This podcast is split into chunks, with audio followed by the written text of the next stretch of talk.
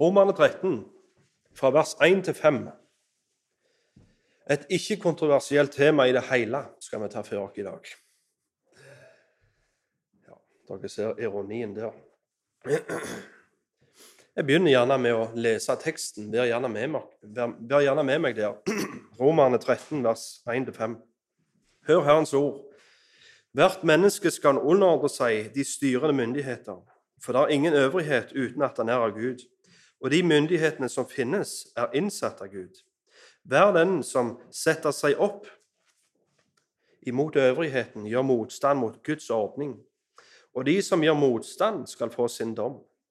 For de som styrer, er ikke en trussel mot gode gjerninger, men mot onde. Vil du slippe å frykte for øvrigheten, gjør da det som er godt, og du skal få ros av den. For den er en Guds tjener for deg til det, det som er godt. Men hvis du gjør ondt, skal du frykte, for den bærer ikke sverdet for ingenting. For den er en Guds tjener, en hevner som skal bringe vrede over den som gjør det onde. Derfor må du være underordnet, ikke bare på grunn av vreden, men også for samvittighetens skyld. Vi befinner oss i eh, turbulente tider. Hver dag på Dagsrevyen får vi høre om krig og konflikt i Ukraina. Og Store deler av Vesten har i den siste tida levd i frykt for om deres land skal bli dratt inn i denne konflikten. Vi har vært gjennom to år med pandemi, og vi fikk erfare myndigheter som stengte ned store deler av samfunnet. Og I tider ble det gjort ulovlig å samles i sosiale settinger. Det ble påbudt å bruke munnbind, og skulle du reise til utlandet, så var det i flere tilfeller påbudt med et vaksinepass. Det er høye skatter, og prisene på strøm har skutt til værs. Prisene på drivstoff og mat har skutt til værs, og rente likeså.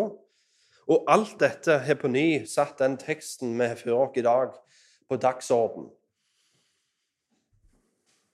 For det er nettopp det som blir tatt opp her, det er hvordan er det vi skal forholde oss til myndighetene. Hvordan er det vi skal forholde oss til myndighetene? Og Utfordringen med en tekst som dette det er det at han kan for veldig mange skape mer spørsmål enn det han gir svar. Og Jeg vil ta noen eksempel på, på disse spørsmålene som jeg tror mange av dere kan sitte med når vi leser denne teksten.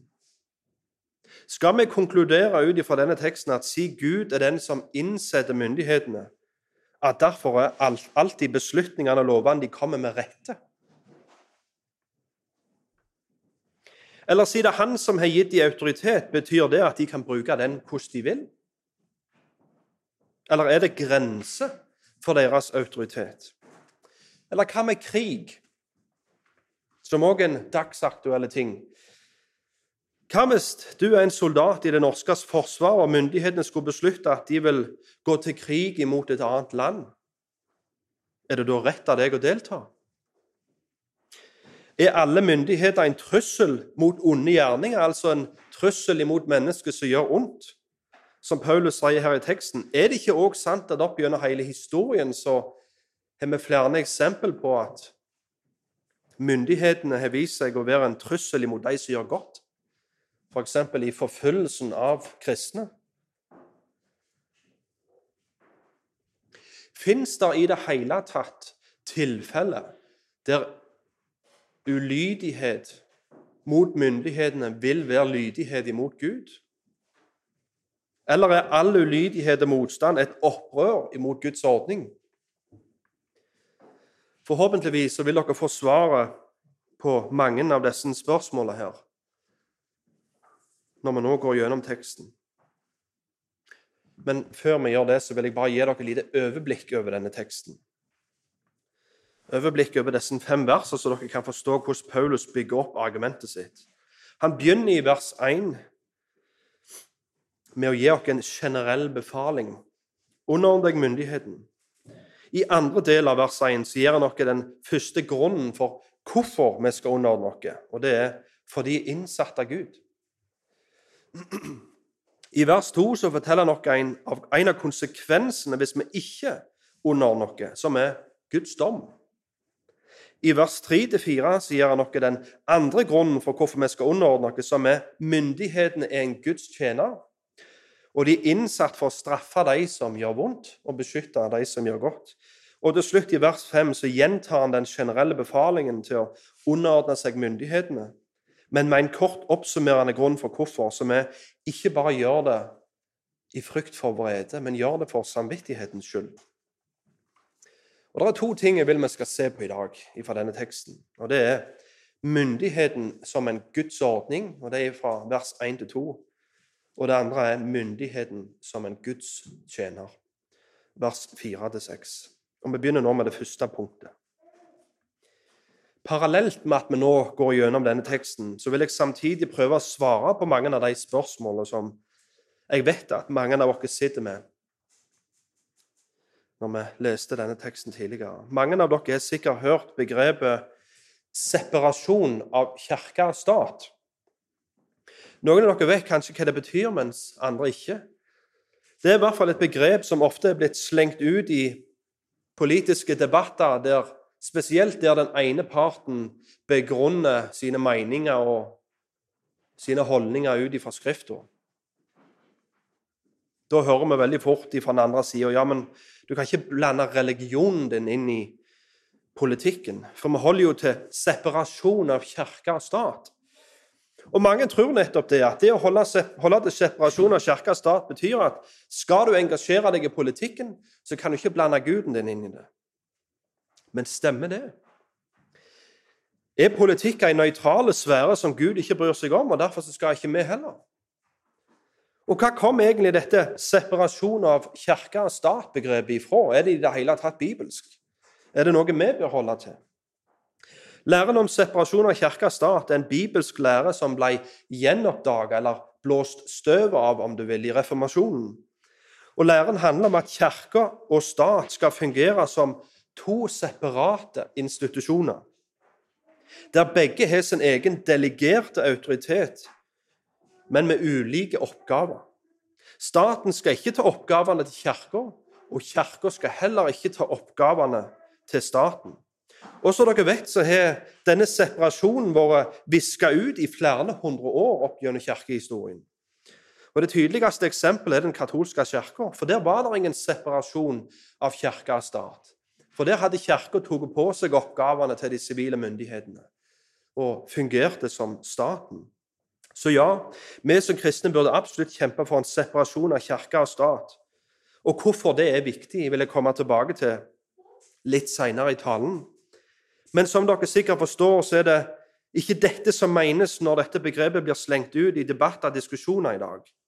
Men det en egentlig mener når en hiver ut dette begrepet ah, Husk separasjon av kirke og stat. Så er det egentlig det at de ønsker å ha separasjon, en separasjon fra Gud og stat. Med andre ord, hold guden din vekke ifra politikken. Men som vi skal få se i Romane 13 i dag, så er det ikke bare galt å separere Gud ifra staten, men det er umulig. Det er umulig. For hva er det vi leser i de to første versene? Hvert menneske skal underordne seg de styrende myndighetene, for det er ingen øvrighet uten at den er av Gud. Så vil du, vil du fjerne Gud, så fjerner du staten. Og de myndighetene som finnes, er innsatt av Han, av Gud. Hver den som setter seg opp imot øvrigheten, gjør motstand mot Guds ordning. Og de som gjør motstand, skal få sin dom. De sivile myndighetene er en Guds ordning. Det er han som er innsatt i og gitt i autoritet. Uten Gud så hadde ikke myndighetene hatt en gyldig autoritet. Jeg sier det igjen, Uten Gud så hadde ikke myndighetene hatt en gyldig autoritet. De hadde bare hatt rå makt. Mennesker kan stå fram og påstå at de har autoritet, men det gjør det ikke til en gyldig autoritet. En mann kan si med en pistol i hånda 'Gi meg lommeboka di'. Med andre ord han er makt. Men han har ingen rett eller autoritet. Og når du gir han lommeboka di, så er det ikke for at du anerkjenner hans autoritet, men du anerkjenner at hvis ikke du gir den, så, så har du et problem. Da går det galt. Men når du anerkjenner den rå makten han har sant? Det som gyldiggjør autoriteten til de sivile myndighetene, og skiller dem ifra en tyv som vil ta lommeboka di, det er Gud. Og Derfor er det rett av oss å underordne oss deres myndighet.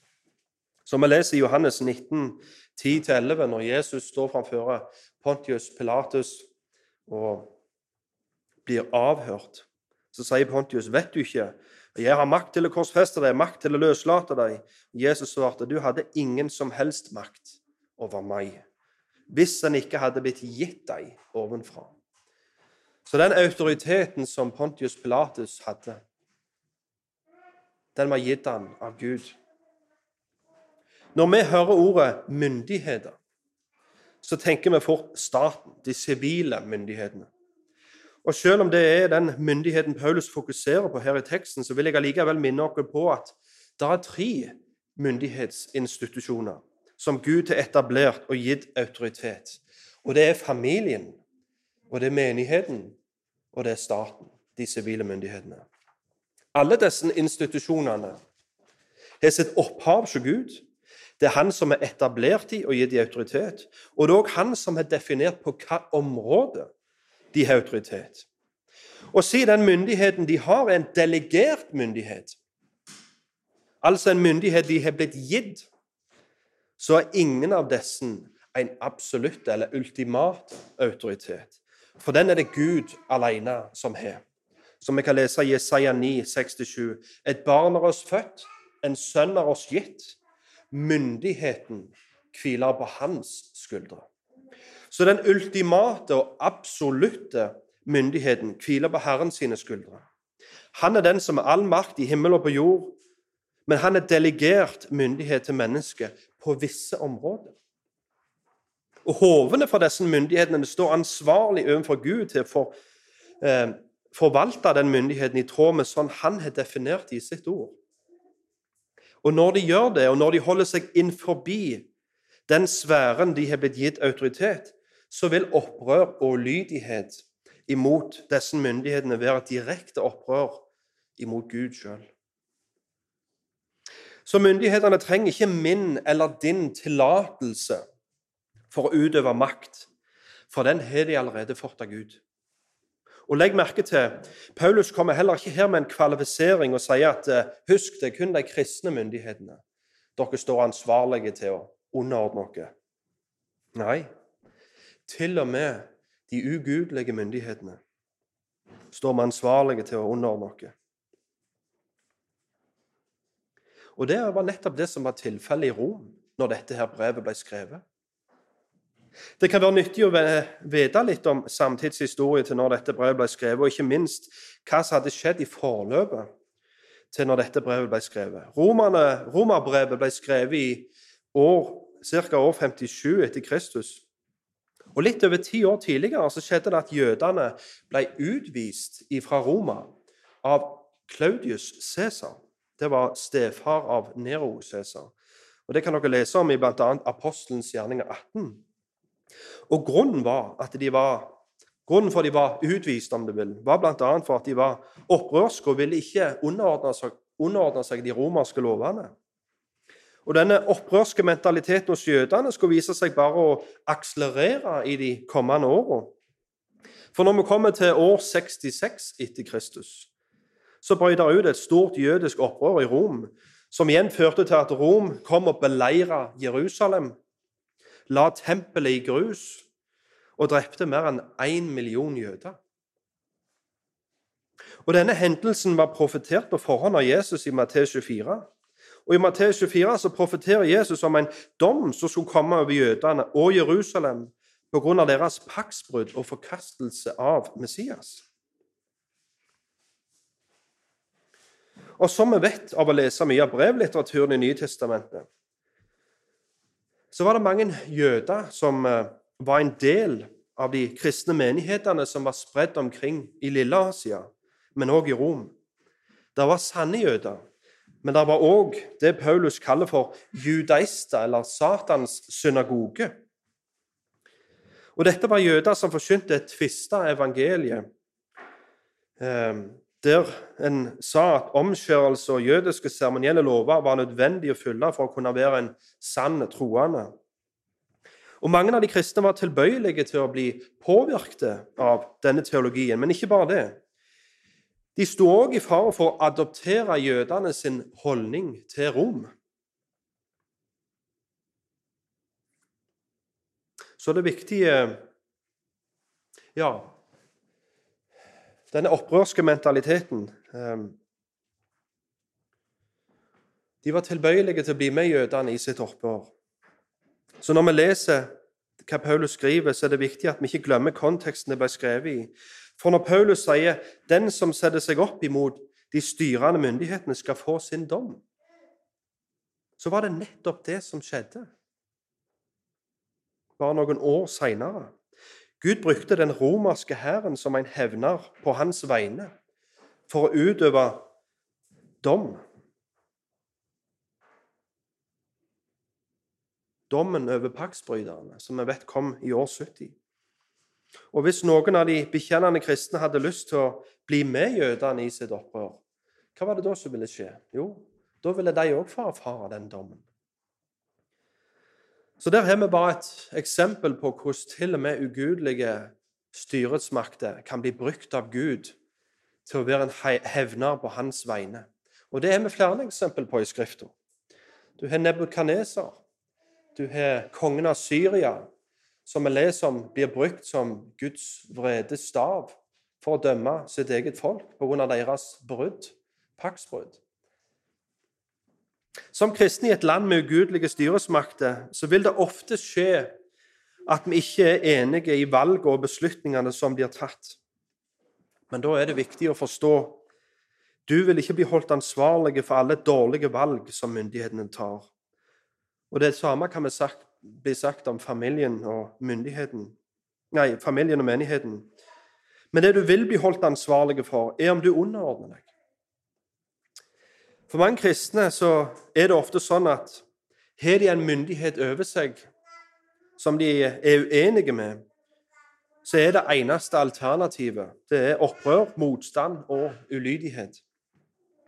For ellers så vil jeg jo gå på kompromiss med samvittigheten, kan en fort tenke. Og gjør jeg det, så går jeg ikke lenger i tru, og alt som ikke er gjort i tru, det er synd. Så på den måten har vi lagd dere et tankesett som gjør det, gir dere egentlig tillatelse til å gjøre opprør hver gang det er noe vi ikke er enig i. Og Dette er som sagt sant i både familien, menigheten og myndigheten. Men dette er galt. Vi er kalt til å underordne oss uansett om vi ikke alltid er enige i beslutningene til myndigheten som øver oss. Og Hvis det valget eller beslutningen som ble tatt av myndigheten, skulle vise seg å være feil, så holder Gud myndigheten ansvarlige, ikke deg. Så lenge du gjør det du er kalt til, som er underordna seg. Men da er spørsmålet fins det ingen unntak her til dette prinsippet. Er det tilfeller der det å underordne seg en myndighet vil være galt i Guds øyne? Og svaret til det er ja. Det fins tilfeller der ulydighet mot myndighetene vil være lydighet imot Gud. Og prinsippet er dette. Og Hvis du har lyst til å skrive ned noe fra dagens tale, så vil jeg si dette prinsippet er et av de viktigste. Når staten krever det Bibelen forbyr, eller forbyr det Bibelen krever, så er det vår plikt å lyde Gud mer enn mennesket. Ser dere den? Jeg sier det igjen. Når staten krever det Bibelen forbyr, eller forbyr det Bibelen krever, så er det deres plikt å lyde Gud mer enn mennesket. Og Dette er sant i møte med alle de tre myndighetsinstitusjonene. Sant?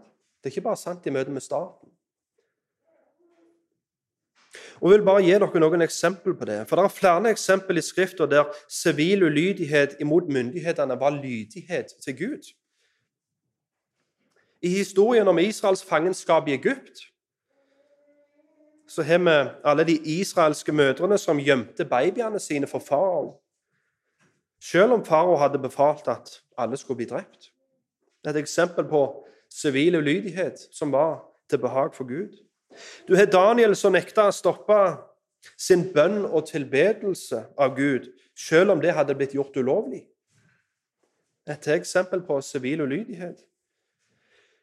Du har vennene hans, Shadrach, Mishak og Abednego, som nekta å bøye kne og tilbe en avgud, selv om det hadde blitt gjort til loven i landet.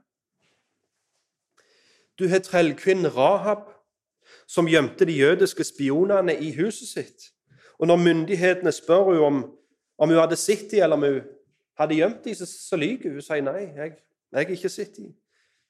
Og av den handlingen så ble hun spart, mens resten av folket og byen Jeriko ble knust. Og, og hun blir faktisk holdt fram som ei rettferdig dame i lys av nettopp den handlingen i Hebreerne kapittel 11. Eller hva med Peter? Og Vær gjerne med meg her. Peter, Vi leser 2. Peter 2, 13-14. 2. Peter 2, 13-14.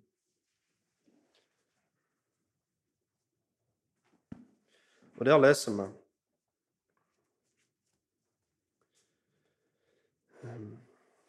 Skal vi se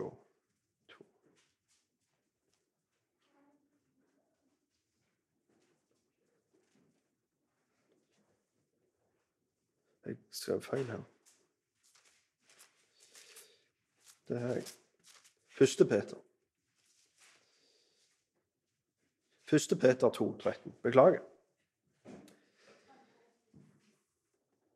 Og jeg leser. Derfor skal dere underordne dere alle menneskelige ordninger for Herrens skyld, enten det er under kongen som den øverste, eller under landshøvdingen, som er sendt ut av ham til straff for den som gjør ondt, men til ros for den som gjør godt. For det er Guds vilje at dere ved å gjøre godt skal bringe uforstandige menneskers uvitenhet til taushet. Så OK. Peter skriver noe av det samme som Paulus skrev. Underordn deg myndighetene. Om det er kongen, eller om det er han som er under kongen. eller Underordn dere, vær lydige. Og Det kommer ingen kvalifikasjoner der eller noen unntak. Men vi kan se allikevel i apostelens gjerninger så får Peter beskjed om å ikke lenger forkynne i dette navnet Jesus. Og hva er hans respons? Jo, vi skal lyde Gud mer enn det vi lyder mennesker. Og Derfor så går han ut og forkynner igjen. Som igjen fører til at han blir fengsla. Og hva er det som skjer i fengsel? Jo, da kommer det en engel og setter Paulus, nei, Peter fri. Og hva er det Peter gjør? Mediterer han over det han har skrevet i første Peters brev, og tenker at ok, jeg får bare lukke denne fengselsdøra igjen, for det å stikke av herifra, det vil være sivil ulydighet og opprør imot myndighetene. Nei, han stikker. Han springer. Og Det samme kan vi se om Paulus. Så både Peter og Paulus, som begge to har skrevet om at vi skal underordne myndighetene, var på et tidspunkt i opprør imot de sivile myndighetene. Paulus han som vi kjenner i apostelens gjerninger, når myndighetene var ute etter hans liv, så, så flykta han. Da stakk han av. Han måtte på et tidspunkt bli heist over bymuren i, i ei korg for å ikke bli fengsla. Så igjen Prinsippet er det når staten krever det Bibelen forbyr, eller forbyr det Bibelen krever, så er vår plikt å lyde Gud mer enn mennesket. Og Dette prinsippet er noe vi bør ta alvor når det kommer til separasjon av kirke og stat òg. Tidligere så nevnte jeg at jeg skulle komme tilbake til hvorfor det er viktig at vi kristne kjemper for separasjon av kirke og stat. Og jeg, jeg vil ta litt om det nå. De sivile myndighetene skal som sagt fungere som en parallell myndighet til Kirka. Staten er ikke over Kirka, og Kirka er heller ikke over staten, ifølge Skrifta men de skal stå skulder til skulder. De har begge fått en delegert myndighet av Gud, og den myndigheten skal utøves innenfor deres delegerte ansvarsområde. De har med andre ord begge sin egen suverenitetssfære. Og for at vi skal kunne forstå viktigheten av denne separasjonen, så vil jeg ta noen eksempel for dere fra Skrifta på tilfellet når denne separasjonen ble brøden. Og jeg vil vise dere hvilke konsekvenser det fikk. Vær gjerne med meg til andre krønikerne 26. Andre krønikerne 26.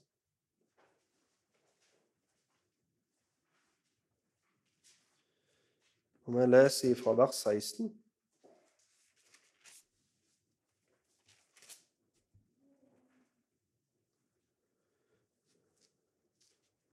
Skal vi se Fra vers 16. Og dette er om kong Ussia. Men da han var blitt mektig, opphøyet han seg i sitt eget hjerte til sin egen ødeleggelse.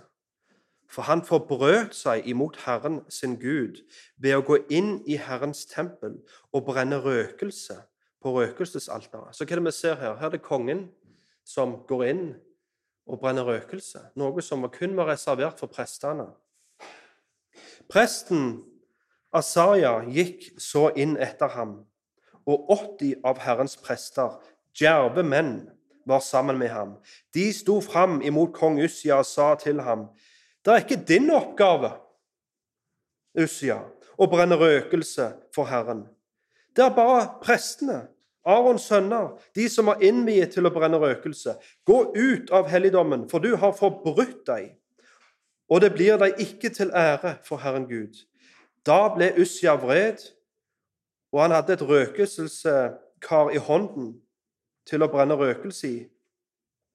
Mens han sto der i sin vrede mot prestene, brøt det spedalskhet ut i pannen hans, rett foran prestene i Herrens hus, der ved siden av røkelsesalteret.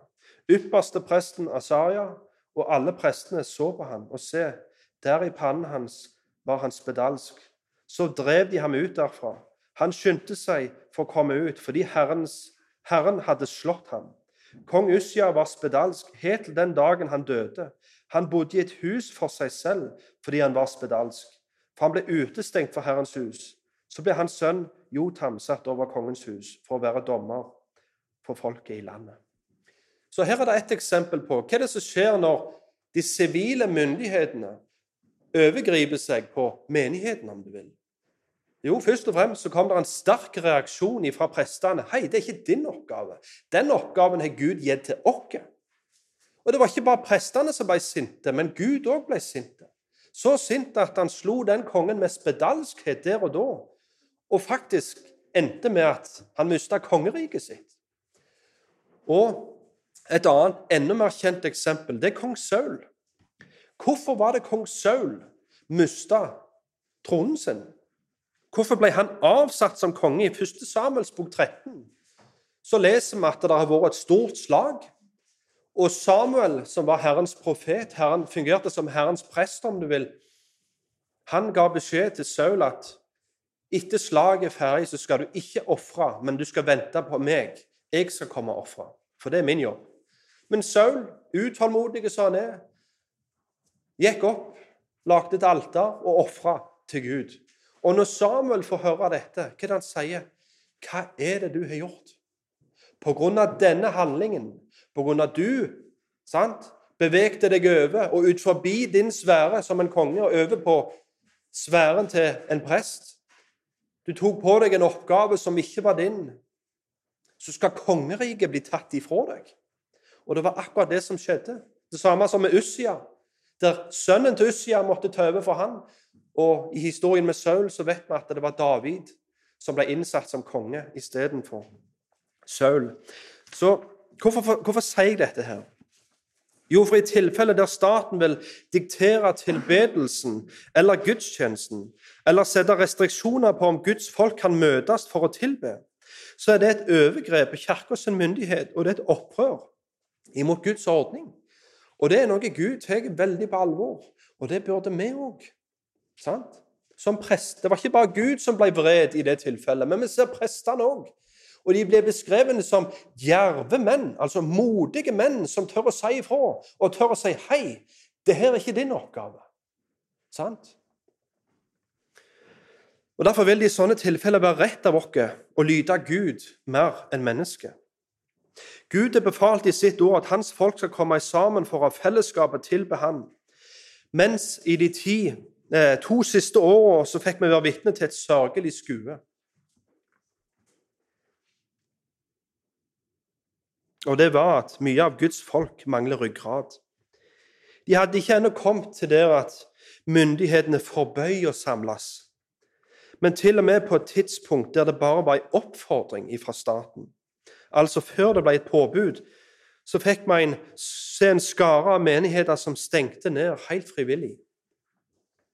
Og det er et sørgelig vitnesbyrd til hvor lavt syn vi har på menigheten, men òg til hvor lavt syn vi har på Guds ord, og den befalingen han har gitt dere om å samles. Staten stenger ned alle de ikke-essensielle virksomhetene, og på den lista der sto òg menigheten. Og der ga Gud de kristne en gyllen anledning til å stå opp. Men vitnesbyrdet var det at de bøyde seg. Mesteparten valgte å bøye seg.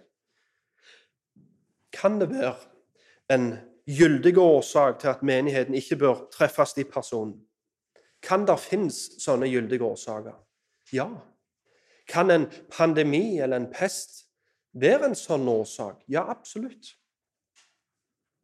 I sånne tilfeller kan det være aktuelt. Men det er en avgjørelse pastorene skal ta på vegne av sin forsamling, ikke staten. Staten kan gjerne komme med oppfordringer til menigheten. Men de har ikke rett til å diktere på de områdene de ikke har blitt gitt autoritet, men som menigheten har autoritet. Så det var litt om myndigheten som en myndigheten som en Guds ordning. Nå vil jeg se litt videre på myndigheten som en Guds tjener. Og La oss lese vers 4-6.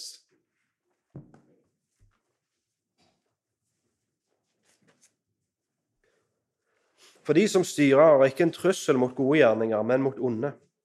Vil du slippe å frykte for øvighetene, gjør da det som er godt, og du skal få ros av den. For den er en Guds tjener for deg til det som er godt. Men hvis du gjør ondt, skal du frykte, for den bærer ikke sverdet for ingenting. For den er en Guds tjener, en hevner som skal bringe vrede over den som gjør det onde. Derfor må du være underordnet, ikke bare av vreden, men også for samvittighetens skyld. I disse versene blir det lagt vekk på myndigheten som en Guds tjener. Og Ordet 'tjener' som blir brukt her, er det samme ordet som veldig mange andre plasser blir oversatt til 'diakon'. Så myndighetene er Guds diakon. Og Gud kaller ingen til å være hans tjener eller diakon uten å definere hvordan den tjenesten skal se ut. Som vi kan lese, så er myndighetens oppgave beskyttelse og straff. De skal beskytte de som gjør godt, og straffe de som gjør vondt. Men som nevnt i åpningen, denne teksten kan ofte skape mer spørsmål enn det han gir svar på dette området. For når vi leser dette så, og ser ut vinduet vårt, på den myndigheten vi øver oss, så kan vi fort lure ja, men Paulus, i deres land så, så har vi mange, i mange tilfeller av det motsatte. En myndighet som straffer de som gjør godt, og beskytter de som gjør vondt. Som i tilfellet med abort, f.eks. Der uskyldige små unger blir drept, mens de som utfører drap, er under myndighetens beskyttelse. Hvordan får vi det til å harmonere med denne teksten? Hvordan stemmer det med, med det som her er skrevet? Og det var også sant for det opprinnelige publikum. Sant? Menigheten i Rom. Når de så ut vinduet, så så, du, så de ofte en myndighet som jakta etter dem. Så hvorfor sier du da, Paulus, at myndigheten er der for å beskytte de som gjør godt? da? De skal få ros av myndigheten. Og For å svare på de spørsmålene så er det viktig at vi forstår forskjellen på en deskriptiv tekst og en preskriptiv tekst. En deskriptiv tekst forteller deg hvordan noe var, eller hvordan noe skjedde, mens en preskriptiv tekst forteller hvordan noe var meint til å være. Altså en tekst som gir oss standarden. Ser dere den? Uten disse to kategoriene så går det ofte veldig galt når vi skal tolke Bibelen. Og Det er òg det som er årsaken til at veldig ofte går galt når mange skal tolke disse fem versene i Romane 13. For disse versene er preskriptive, ikke deskriptive. Det vil si, disse versene gir oss standarden på hvordan det var meint til å være. De beskriver ikke hvordan det alltid er. Ser dere den? For selv om det her i teksten blir sagt at myndighetene er en Guds tjener, så betyr ikke det at de alltid er en lydige tjener.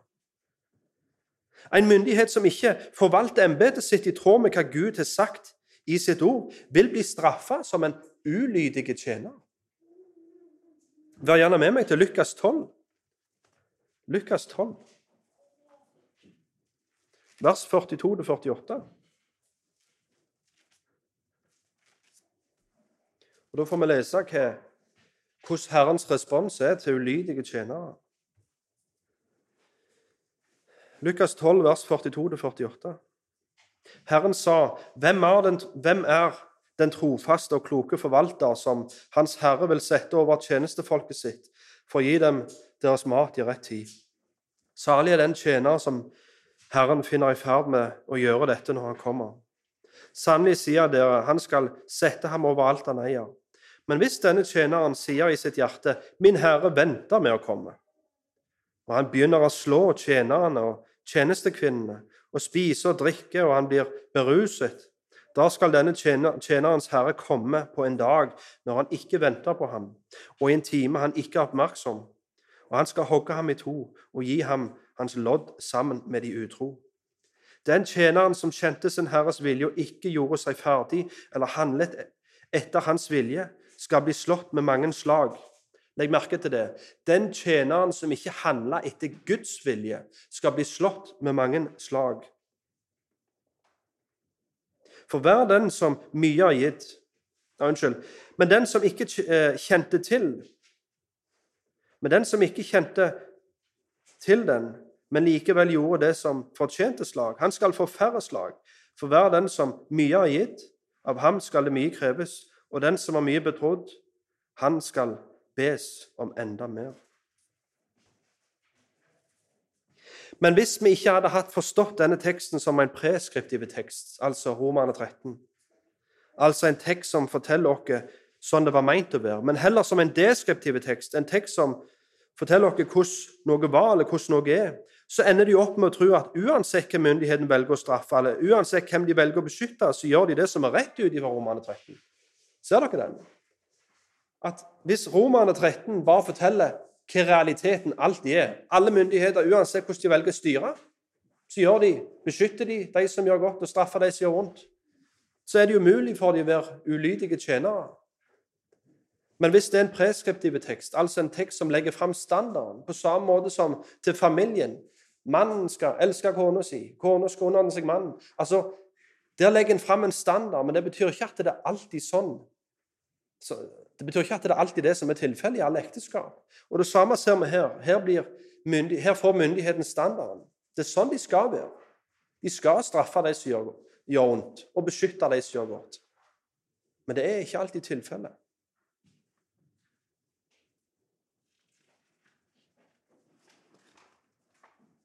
Så igjen, Roman 13 gir standarden hvordan myndighetene som en lydig tjener var meint til å styre. Og forteller ikke at det er sånn det alltid er. Før jeg går videre nå, så vil jeg at vi skal ta et lite tilbakeblikk til der Thomas avslutta sist i Romane 12. For fra vers 17 til 21 i Romane 12 så er tema hevn. Og Jeg vil bare lese det. Romane 12, vers 17 til 21.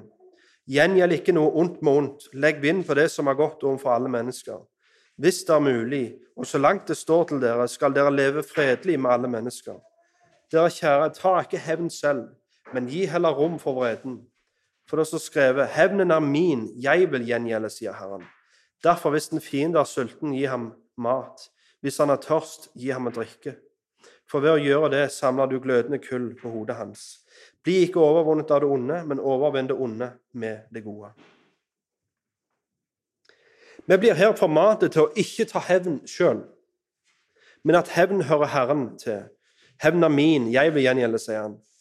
Og Det er i kontekst av dette temaet Paulus begynner å snakke om myndigheten. Og det er faktisk veldig viktig, for mange kan fort tenke når de leser avslutninga på Romerne 12, at der Gud sier han er den som vil hevne, at det er snakk om den endelige dom der. Sant? Den siste dag på slutten av verdenshistorien. Men vi må ikke glemme hva kontekst det står i. For bare noen få vers seinere så sier Paulus at myndighetene er Guds hevner, som skal utøve hans vrede over de som gjør vondt. Så da blir poenget Gud venter ikke med alt til den endelige dom før han utøver sin vrede. Men han er innsatt en myndighet som kontinuerlig skal utøve hans vrede her på jord, med å straffe de som gjør vondt. Men for at hevnen myndigheten utfører, skal være på Guds vegne, så kan det ikke være på deres egen vegne. Er du med? Og Da må myndigheten gi straff ut ifra Guds standard, ikke sin egen. Med andre ord, for at myndighetene skal være trofaste tjenere, så må de beskytte de som gjør godt, og straffe de som gjør vondt, ut ifra Guds lov, ikke sin egen. Det som er godt, og det som er vondt, er det Gud som, ikke, Gud som definerer, ikke mennesket, og ikke staten. Og for at de skal kunne utføre denne jobben, så er de blitt gitt et sverd. Altså myndigheten og retten til å ta liv. Det er visse kriminelle handlinger som Guds lov sier fortjener dødsstraff. Og det er myndighetens rett og oppgave å gi det Gud sier mennesket fortjener på det området. Hvis de velger en mildere eller hardere straff enn det Gud har befalt, så er de ulydige tjenere. En mildere straff vil være å påstå at de er mer nådige enn Gud. En hardere straff vil være å påstå at de er mer rettferdige enn Gud.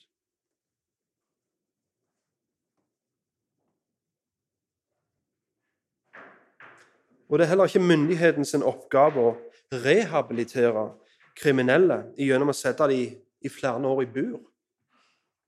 Rehabilitering av mennesker er ikke statens oppgave, men det er menigheten og familiens oppgave. Så når en har et fengselssystem som er bygd opp på en filosofi om at det er statens oppgave å rehabilitere kriminelle tilbake til samfunnet, så er det et system som er bygd opp på å overgripe seg på familien og menigheten. Og det burde ikke vi kristne gi vår stemme til. En annen viktig ting er at Bibelen skiller mellom synd og kriminelle handlinger. All synd er ikke nødvendigvis en kriminell handling, men alle kriminelle handlinger er synd ut ifra Bibelen. Det er ikke de sivile myndighetene sin oppgave å konfrontere eller straffe synd. Det er de andre tre myndighetene, altså personlig myndighet, familiemyndighet og menighetsmyndigheten sin oppgave.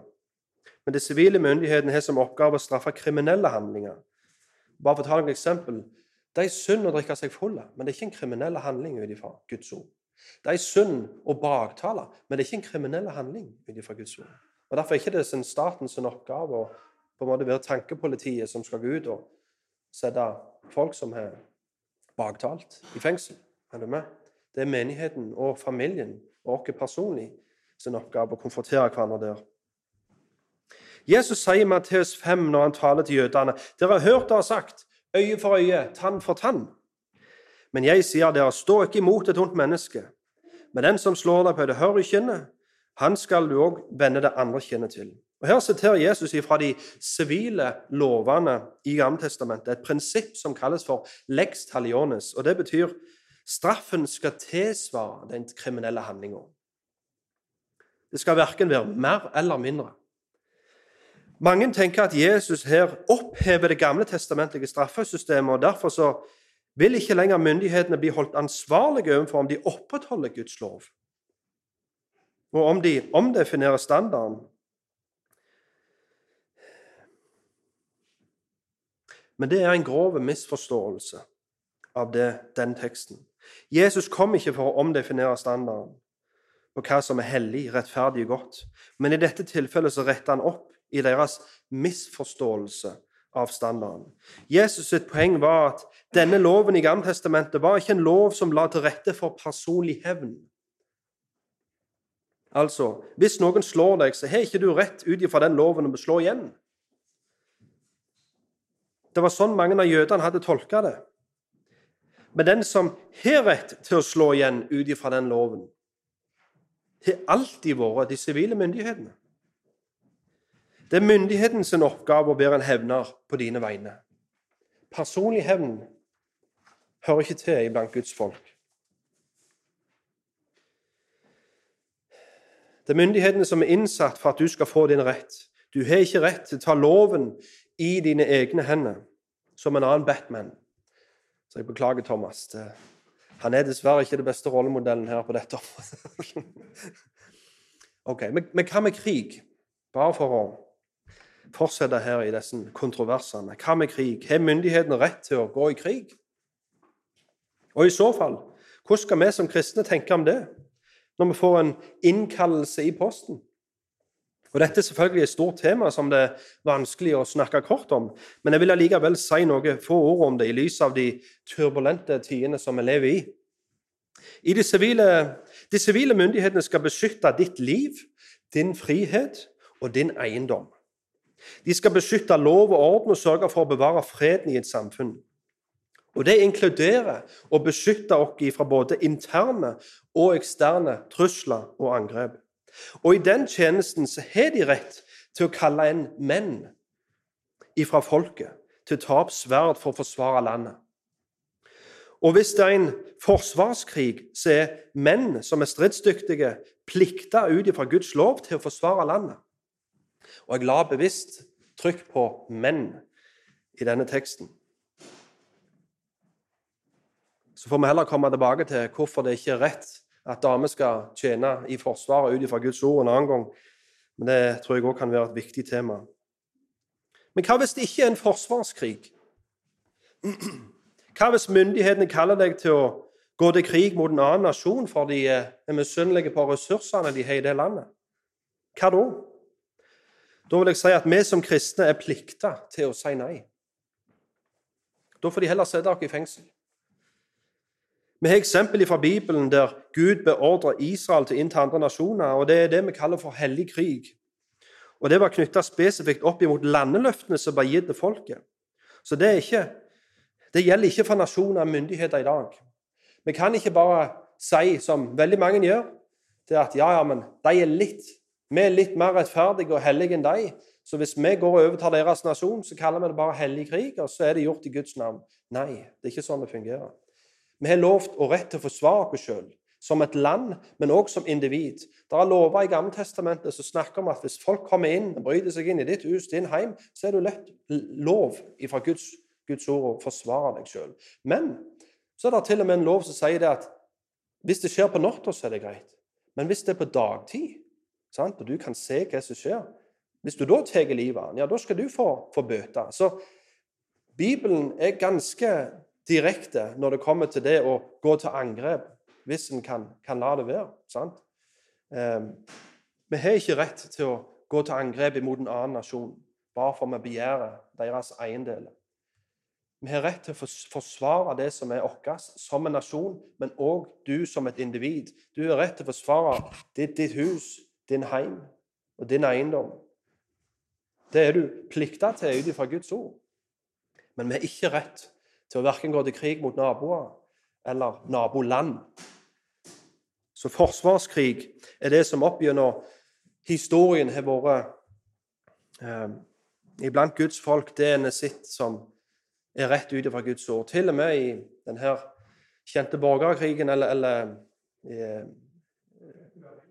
den uavhengighetskrigen i, i, USA, så ser vi at veldig mange av de som kjempet da på Amerikas side Det blir kalt for The Black Regiment. Det var mange presbyterianere som etter de hadde forsynt evangeliet på søndagsmorgen, tok de av seg Geneva-gown, de tok av seg prestekappene sine, tok våpenet bakerst i, i kirka, og så gikk hele forsamlingen ut for å krige. Men de òg hadde en filosofi om det at vi skal ikke skyte først. Er det med? Så snart de er skutt, da kan vi gå til angrep igjen. Så det har liksom vært en, en, eh, en forståelse som Guds folk har hatt ut ifra Skrifta i, i lang tid, at vi har rett til å forsvare oss sjøl, men vi går ikke til, til krig. Eh, tilbake til teksten vår nå. Som Paulus her legger fram, så skal staten fungere primært som et beskyttelses- og avstraffelsesorgan. Men i de fleste tilfeller så beveger staten seg som regel ut forbi sin egen autoritetssfære og tar på seg oppgaver og ansvar som egentlig, til, som egentlig tilhører de andre myndighetene. Og er det galt ut ifra Guds ord? Ja. Men når vi bor i et demokrati, så kan staten bare være medskyldige i det å overgripe seg. Det kan aldri være den som sitter med hovedansvaret. For hovedansvaret ligger hos folket som har valgt de inn, og som er villige til å gi ifra seg ansvaret, og har invitert myndighetene inn til å ta over deres oppgaver. Og hvis en ikke våkner opp, så vil frihetene våre fortsette å bli frarøvd. Og vi vil ende opp med en stat som åpenbaringen beskriver som et sjuhova beist som utøver totalkontroll over sin befolkning. Vi vil få en totalitær stat. Og hvis du ikke vil at dette beistet skal vokse seg større, så må vi slutte å gi det mat. Dette beistet vokser seg stort med å ta imot alt ansvaret som du ikke vil ha. Så ta ansvar der Gud har gitt deg ansvar. Slutt å gi det til staten. Så La oss nå se på det siste verset, i vers 5.